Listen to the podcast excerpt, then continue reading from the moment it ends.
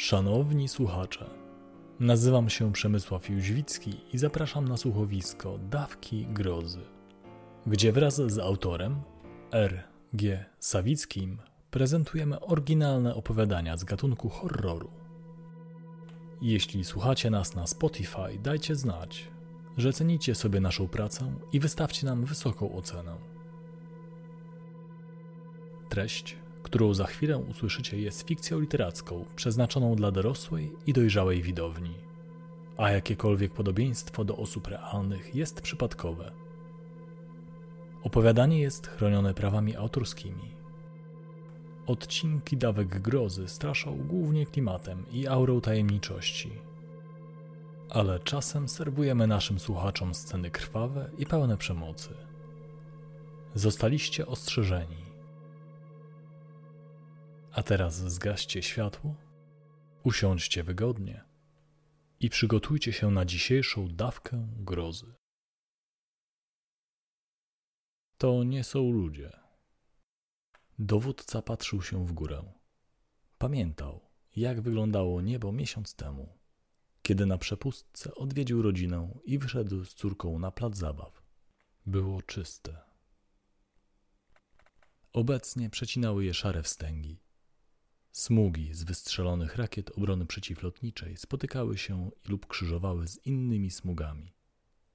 Tymi, które zostawiły za sobą pociski i samoloty nadlatujące ze wschodu. Obraz nad głową dowódcy wydawał się statyczny, ponieważ powietrzny spektakl już się zakończył. W rzeczywistości jednak wstęgi przemieszczały się i żedły, bardzo powoli, powodowane ruchem powietrza. Gdyby tylko zapomnieć o całej reszcie, można by pomyśleć, że są one pozostałością po pokazach lotniczych. Niestety o tej całej reszcie zapomnieć się nie dało. Przypominały o niej wciąż wyjące syreny alarmowe i unoszące się gdzieniegdzie nad miastem kłęby dymu. A jeśli chodzi o plac zabaw, na którym tak niedawno spędzali czas ojciec i córka, nic z niego nie zostało. Nawet mniej niż nic. Dziura tak głęboka, że można by w niej ukryć kilka samochodów i tak szeroka, że pokrywała całą przestrzeń pomiędzy jednym blokiem mieszkalnym a drugim. Obydwa budynki straciły szyby w oknach, a rodzice, których dzieci nie zdążyły uciec z placu, stracili szczęście i przyszłość. Dowódca nie wiedział, czy w momencie eksplozji ktokolwiek się tam znajdował.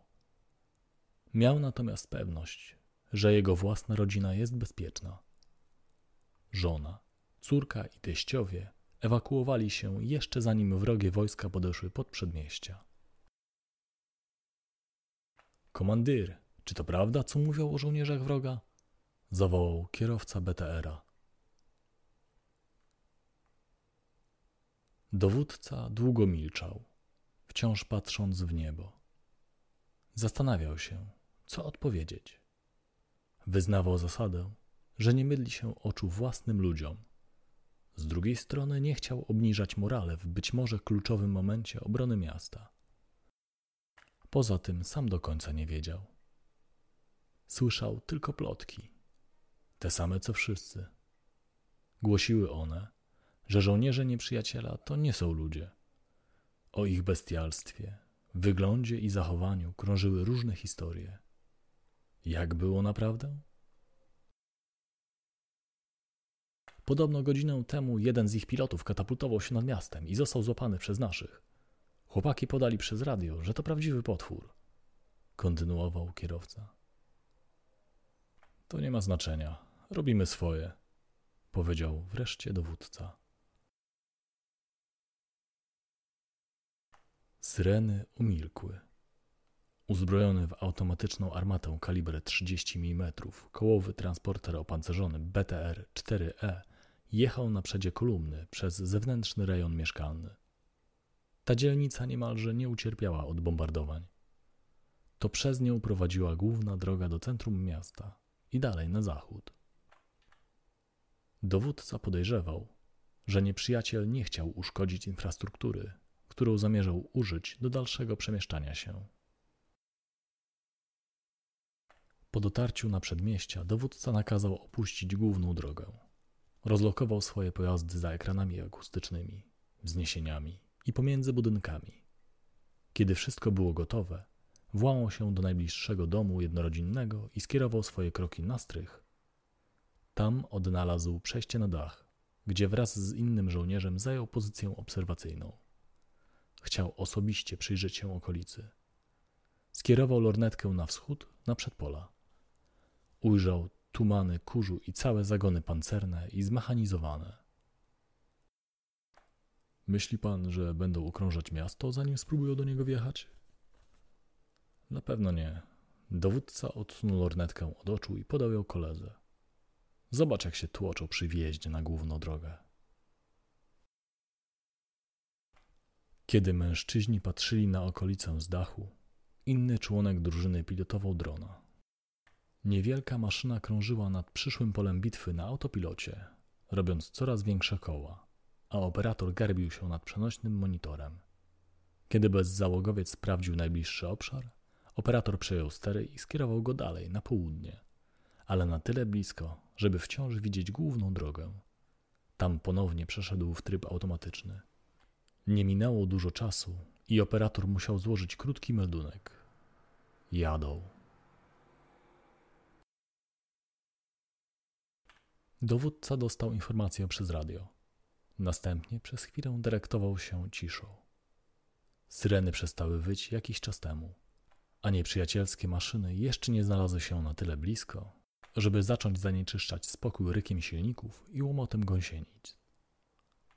Jakże pięknie wyglądała ta okolica, nawet teraz, kiedy słońce kryło się za szarymi chmurami, a trawniki jeszcze nie zdążyły się zazielenić po zimie.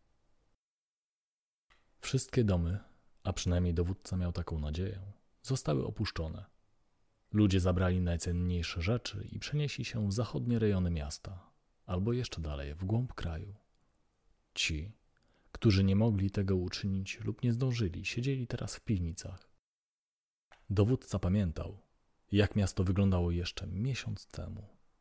Toczyło się tu normalne, spokojne życie. To było tak niedawno, ale mężczyzna miał wrażenie, jakby minęły całe lata. Każdy dzień, kiedy nad miastem toczyły się walki, a bomby lotnicze i rakiety spadały na domy, sklepy i chodniki, mógł być ostatnim, przez co bardziej zapadał w pamięć. Wreszcie dowódca znowu spojrzał przez lornetkę. Ujrzał kilkanaście czołgów pędzących główną drogą prosto w pułapkę. Za nimi była przerwa, a potem formował się kolejny oddział. Do wszystkich wozów bojowych. Strzelać tylko na rozkaz, albo w przypadku, gdy was zauważą. Powtarzam, strzelać tylko na rozkaz, albo kiedy was zauważą. Wypowiedziawszy te słowa, skupił się na czołgach które widział coraz wyraźniej. Wyglądały jak zwyczajne T-64, T-72, T-80. Siły lądowe obrońców dysponowały takim samym sprzętem pancernym. Nieprzyjacielskie maszyny różniły się tylko rodzajem kamuflażu i miały wymalowane białą farbą zbrodnicze symbole, a na jednej powiewała czerwona flaga z gwiazdą, na której widok dowódca uśmiechnął się ironicznie. Czy możliwe, że w środku tych maszyn rzeczywiście siedziały bestie, a nie ludzie? Napięcie rosło, kiedy nieprzyjacielskie pojazdy zbliżały się do przyczajonych BTR-ów. Dowódca podejrzewał, o czym myślą jego ludzie. Czołgi miały większą siłę ognia i były bardziej wytrzymałe niż kołowe transportery opancerzone, którymi dysponował ich oddział. Z drugiej strony, obrońcy mieli po swojej stronie efekt całkowitego zaskoczenia. Jeśli uda im się utrzymać tę przewagę, zwyciężą starcie, choć zapewne nie bez strat. Każdy z żołnierzy, któremu zależało na własnym życiu, zastanawiał się, ilu spośród nich zginie, zanim zniszczą kolumnę. A może było inaczej? Przecież niewykluczone, że żołnierze, ogarnięci pragnieniem zemsty i przepełnieni patriotyzmem, nie myśleli wcale o własnym dobrostanie, tylko o tym, żeby zadać wrogom jak największe straty. Bez względu na to, czy wpadli w szał bitewny, czy drżeli ze strachu, dowódca wierzył w ich profesjonalizm. Gniew można opanować albo ukierunkować, a strach przezwyciężyć. Mógł na nich polegać. I się nie zawiódł, bo nieprzyjacielska kolumna pancerna znalazła się właśnie tuż obok ukrytego za ekranem dźwiękoszczelnym BTR-a i w zasięgu kilku pozostałych, rozstawionych dookoła. Nikt nie oddał strzału. Czołgiści wroga nie spostrzegli zasadzki i przejechali dalej. Dowódca patrzył przez lornetkę. Jak kolumna pancerna, nie niepokojona przez nikogo, przemieszcza się w stronę centrum miasta. W następnej kolejności formowała się kolumna mieszana, składająca się z kilku czołgów i sporej ilości transporterów oraz ciężarówek piechoty. Wkrótce kolumna ruszyła, a potem zaczęła się formować trzecia. Do wszystkich wozów bojowych! Głos dowódcy pobrzmiewał teraz ekscytacją. Nadciąga długa kolumna z licznymi celami miękkimi. Tej nie przepuszczamy. Otworzycie ogień, kiedy ich pierwszy pojazd minie skrzyżowanie z ulicą Dowrzenki. Powtarzam. I powtórzył. A potem wszyscy wiedzieli, co mają robić. Sam dowódca tymczasem opuścił stanowisko na dachu i pobiegł do swojego pojazdu. Wkrótce siedział już obok kierowcy i opisywał mu skład zbliżających się sił wroga. Chwile oczekiwania mijały w napięciu. Z miejsca, w którym obrońcy ukryli swojego BTR-a, nie było zbyt wiele widać, ale to im w niczym nie przeszkadzało. Żołnierze i tak wiedzieli, kiedy mają wyjechać.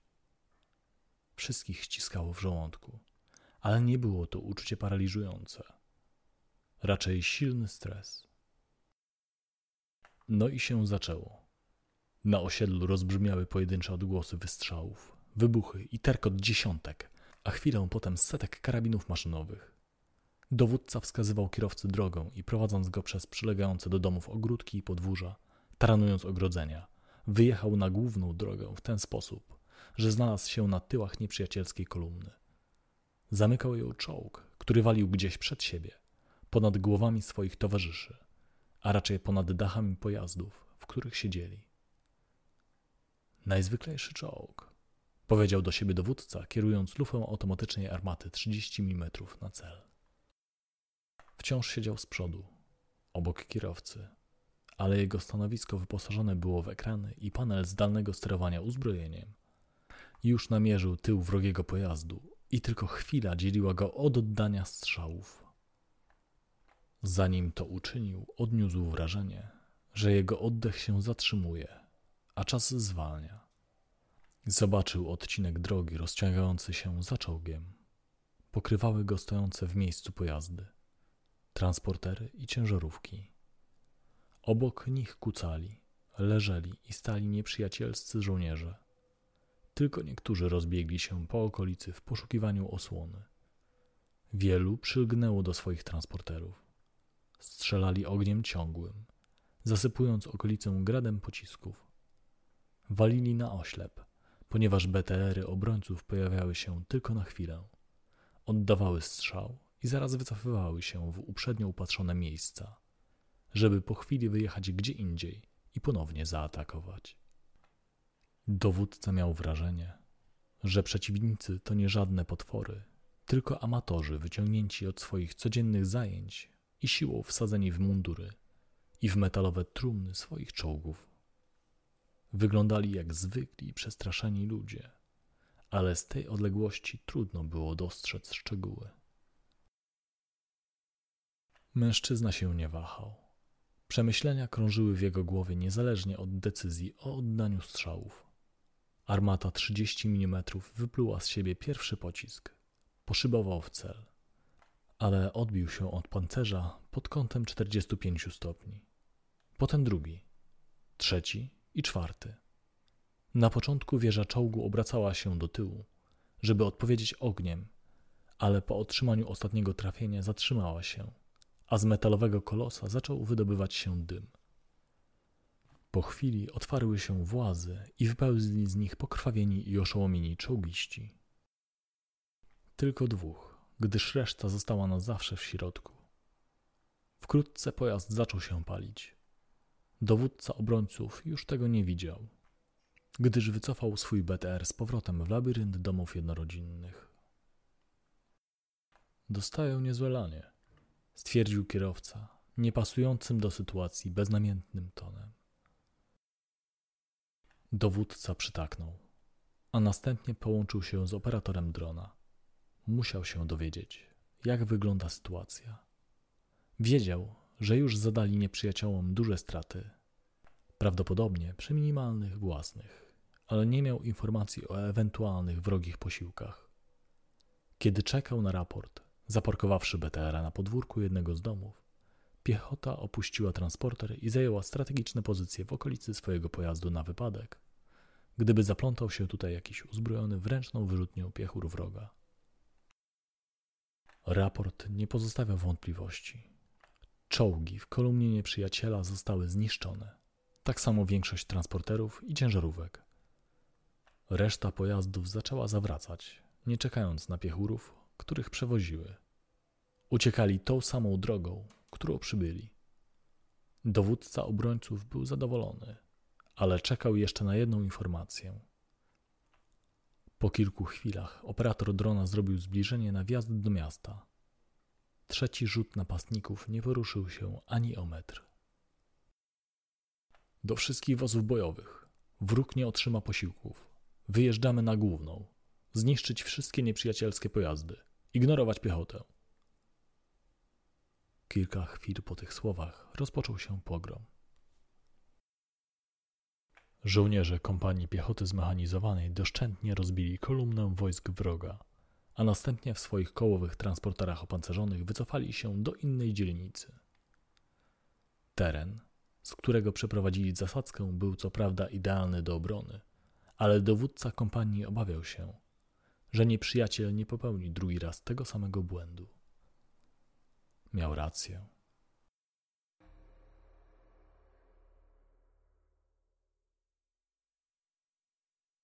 Zapadł zmrok, ale dowódca widział swoje odbicie bardzo wyraźnie. Miejski szalet, znajdujący się w pobliżu rozległego parku i stadionu piłkarskiego, wciąż miał elektryczność. Mężczyzna uważnie oglądał własną twarz.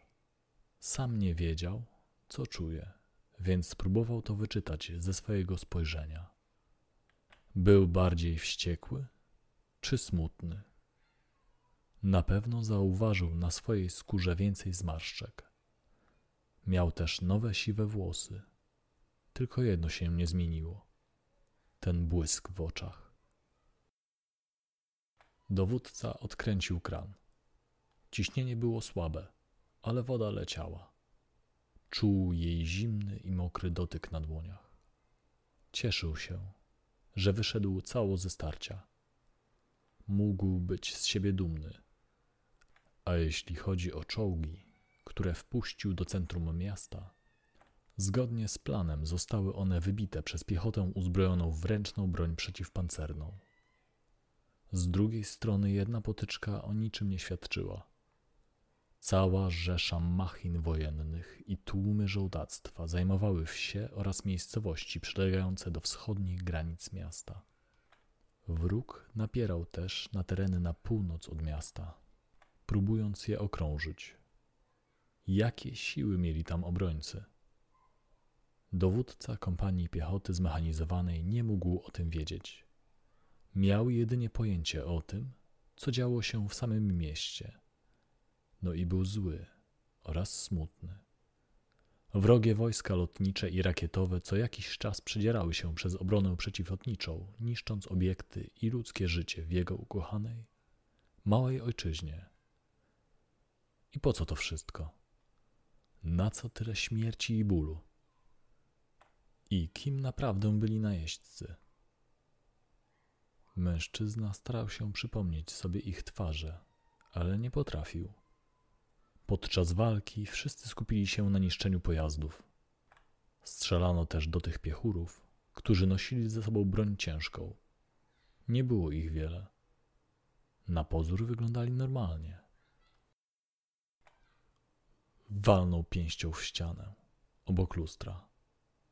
A potem zatrzęsła się ziemia i na chwilę zgasło światło. Mężczyzna wyszedł z szaletu. Niebo było ciemne, ale co chwila rozświetlał je błysk, któremu wtórował huk. Zarys pobliskiego stadionu stawał się wtedy wyraźniejszy. Potem błysków i huków zrobiło się więcej. Miał pan rację, komandir. Kierowca opierał się około BTR-a i palił papierosa. Ostrzeliwują to osiedle, w którym kilka godzin temu ich odparliśmy. Najpierw przytaszczyli artylerię, najbliżej jak się dało, a teraz walą ile wlezie? Dodał od siebie dowódca. Czujesz te wibracje w powietrzu? Z jednej strony to przerażające, a z drugiej niesamowite. Dziwne ma pan przeniesienia, komandir. Kierowca zaciągnął się, a następnie wypuścił dym do góry. Potem dołączyła artyleria rakietowa i oprócz wybuchów dały się słyszeć niemiłe dla ucha świsty. Kanonada trwała jakiś czas, a potem się uspokoiło.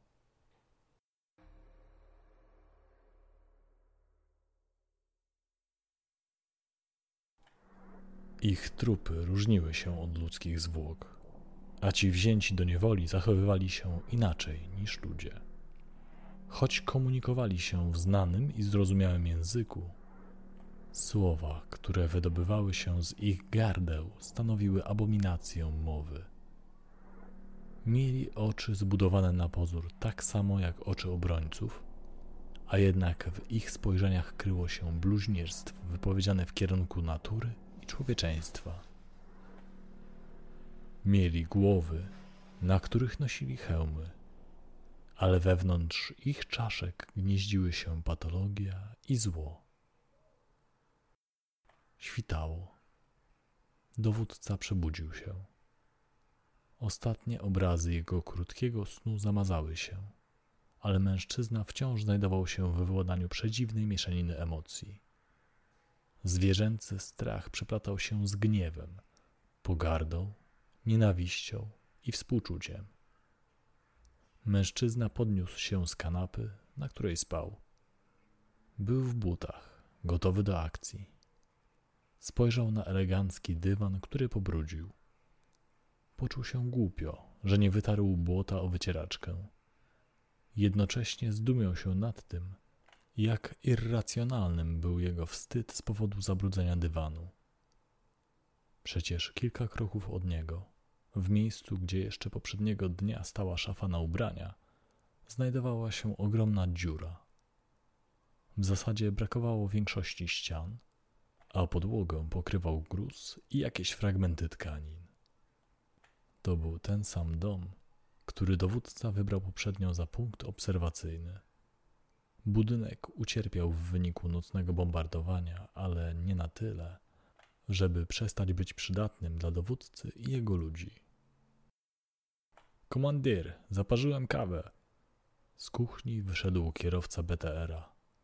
Wręczył dowódcy blaszany kubek. Mężczyzna napił się, a następnie poczuł przypływ optymizmu. Wyszedł razem z kawą przez wyrwę w ścianie.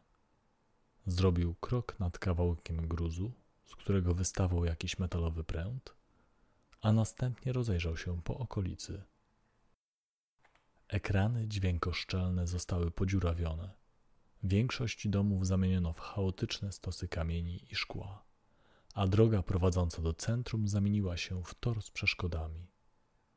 Dowódca napił się kawy i uśmiechnął się, bardzo zajadle.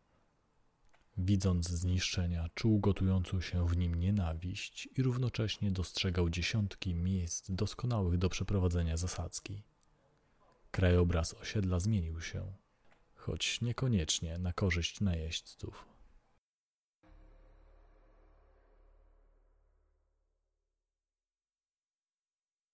Była noc. Dowódca nie potrafił zliczyć, która z kolei.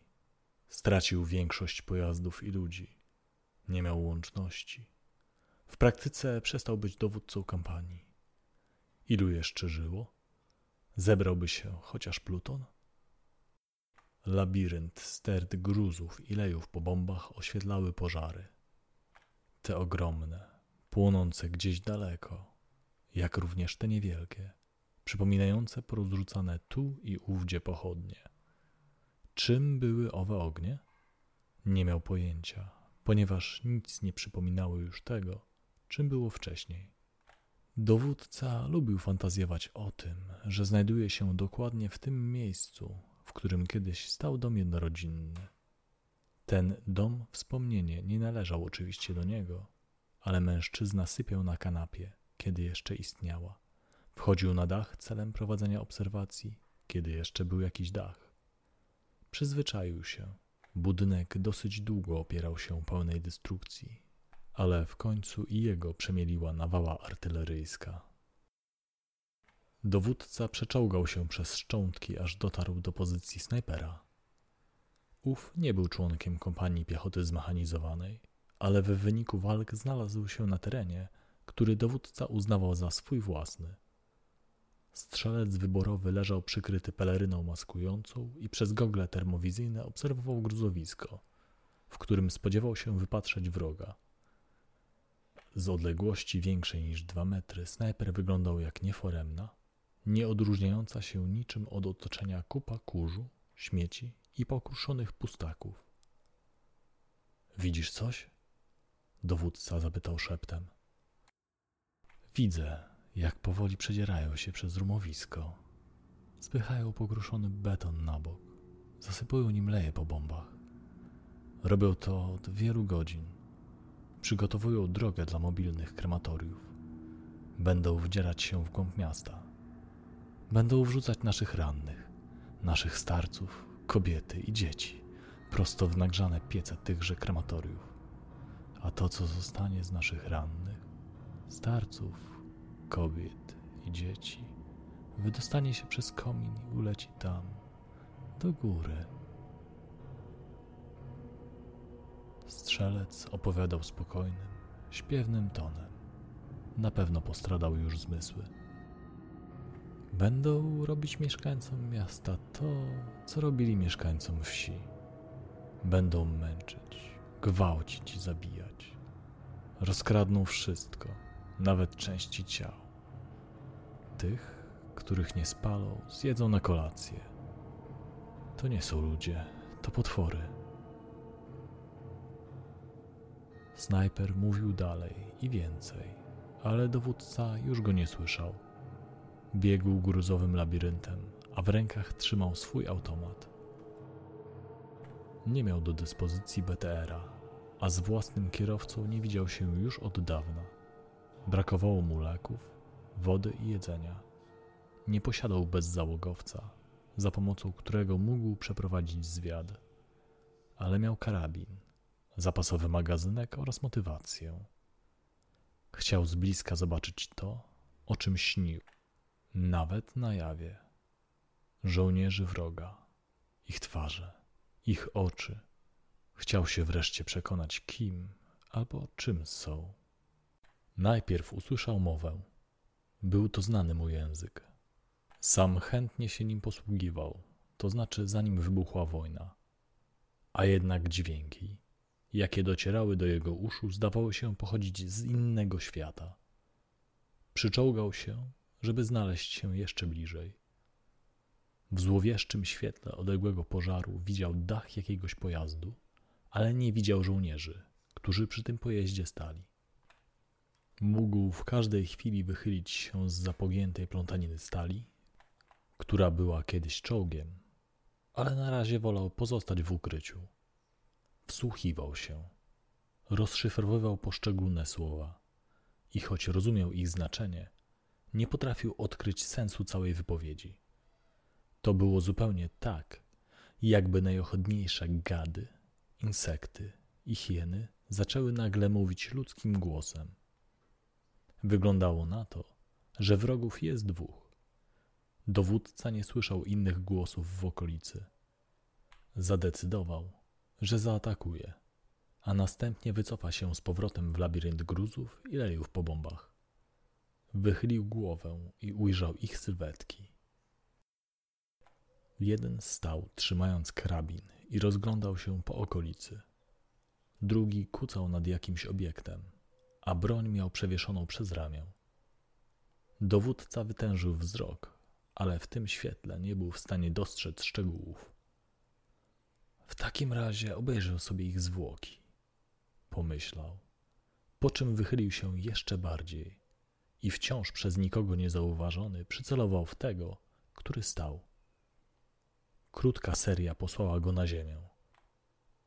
Dowódca skierował teraz lufę na tego drugiego, ale zawahał się, bo ów, wciąż w przykucu, unosił ręce nad głowę. Dowódca, nie przestając mierzyć do nieprzyjaciela, wyszedł ze swojej kryjówki i zaczął się do niego zbliżać. Jednocześnie pozostawał czujny. Nie chciał zabijać próbującego się poddać żołnierza. Z drugiej strony nie miał możliwości wzięcia go do niewoli. Pomyślał więc, że może go rozbroić i wypuścić. Kiedy podszedł na tyle blisko, że ujrzał szczegóły, stanął jak wryty. Żołnierz wroga, choć autentycznie przerażony, miał ręce całe we krwi. W zębach wciąż trzymał ochłap mięsa, a obiektem, nad którym się pochylał, okazały się zwłoki. Dowódca spojrzał na nie.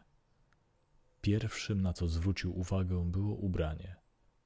Podarte i brudne dżinsy, rozbebeszona kurtka, a pod nią strzępy czegoś, co mogło być koszulą.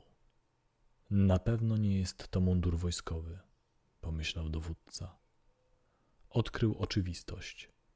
Najzwyczajniej w świecie nazwał to, co zobaczył. Potrzebował tego, żeby właściwie zakwalifikować całe zajście.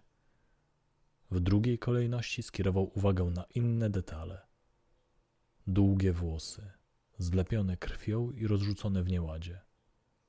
Ramię, obgryzione do kości. Twarz zakryta kawałkiem materiału, który mógł być stanikiem. Odsłonięte łono. Sportowy but znajdujący się tylko na jednej stopie gdyż druga była bosa.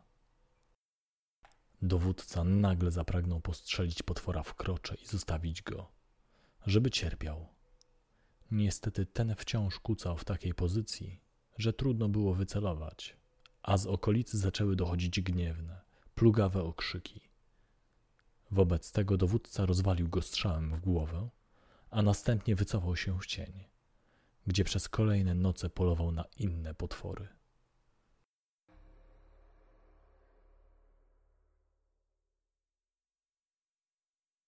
Powietrze było ciężkie od zapachu spalnizny i pyłu z pokruszonego betonu. Przenikały je wibracje spowodowane dźwiękami. Wszystko, na podobieństwo kleju, spajał ze sobą obłęd. Dowódca miał zatkaną głowę.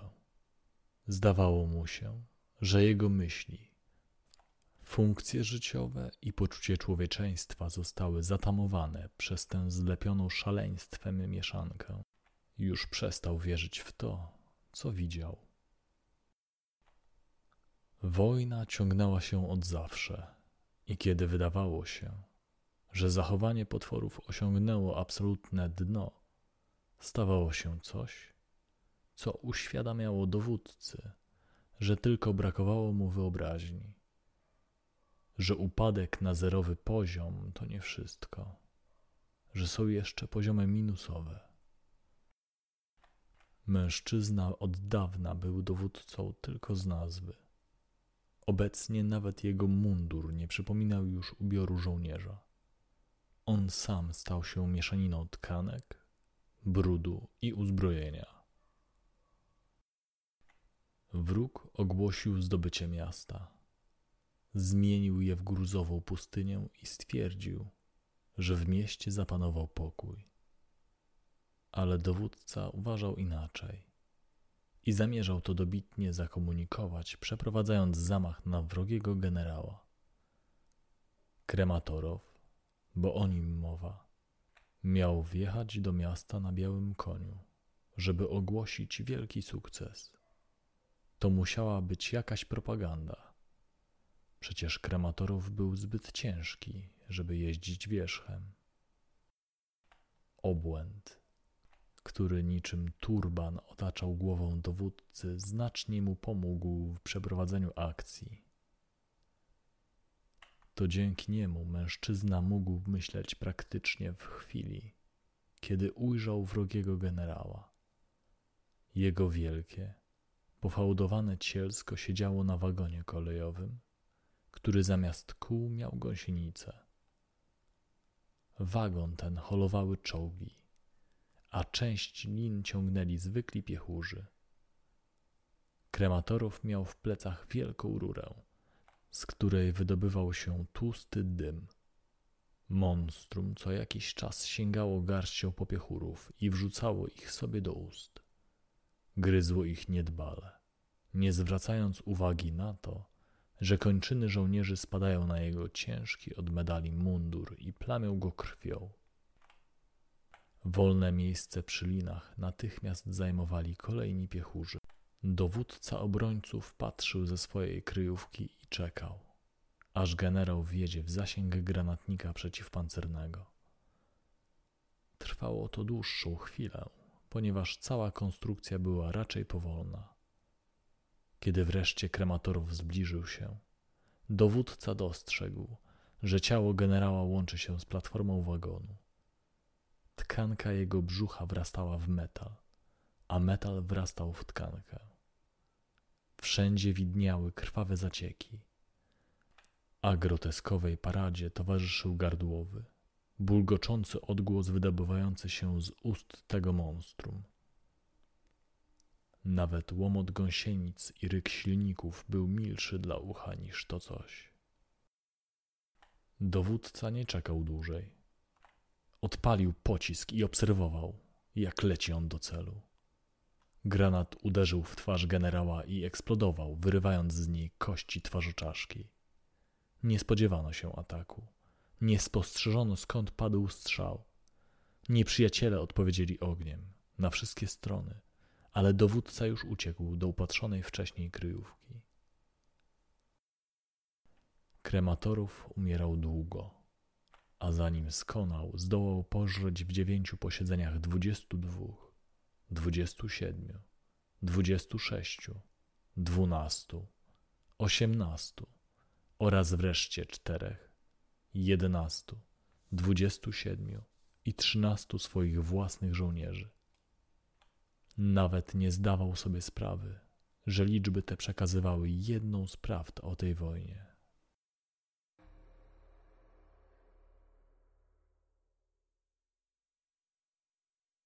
Wcale nie było tak, że tylko umarłym zostało dane ujrzeć kres wojny. W końcu nastał pokój, a wraz z nim czas świętowania i odbudowy. Mężczyzna, który pełnił kiedyś funkcję dowódcy kompanii piechoty zmechanizowanej, upił trochę trunku z piersiówki.